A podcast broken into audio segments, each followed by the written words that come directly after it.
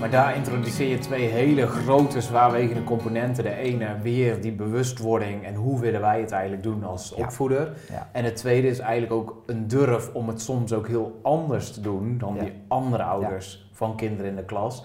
Door gewoon paal en perk te stellen en ja, afspraken te maken die in een gezin werken. Ja, Dus en, dat- en je ziet dat een, een kind heeft geen schema. We hebben een schema, zo laat naar school, naar werk en noem maar. Een kind heeft geen schema, die groeit op een bepaalde manier op. En ze komen vaak met vragen, die past eigenlijk niet in ons tijdschema.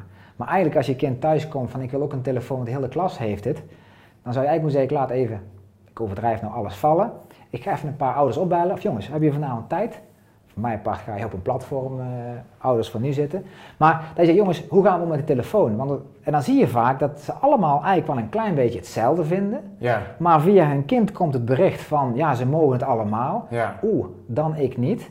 En uiteindelijk klopt het ook, als ze allemaal dan ja zeggen. Precies. dan- maar in feite, dat uit, ja. als je die groep bij elkaar betrokken had, zeg je, weet je, als we nou eens gewoon een half jaar wachten allemaal. Of zullen we samen, wat vind jij? En dan kan er nog verschillen zitten.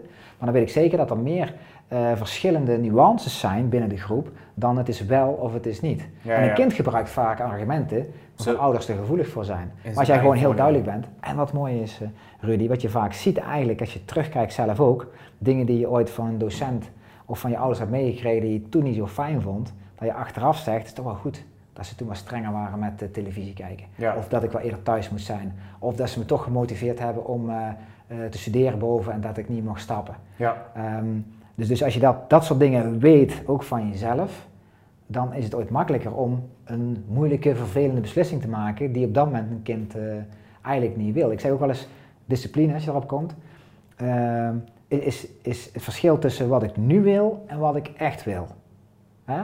Dus ik wil eigenlijk die slagroomtaart nu opeten, wat wil ik echt? Een gezond lijf.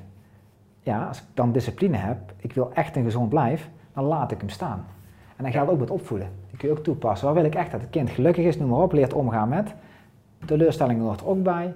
Hé, wacht, nu zeggen we even nee. Of je zegt, hé, hey, we gaan erover nadenken.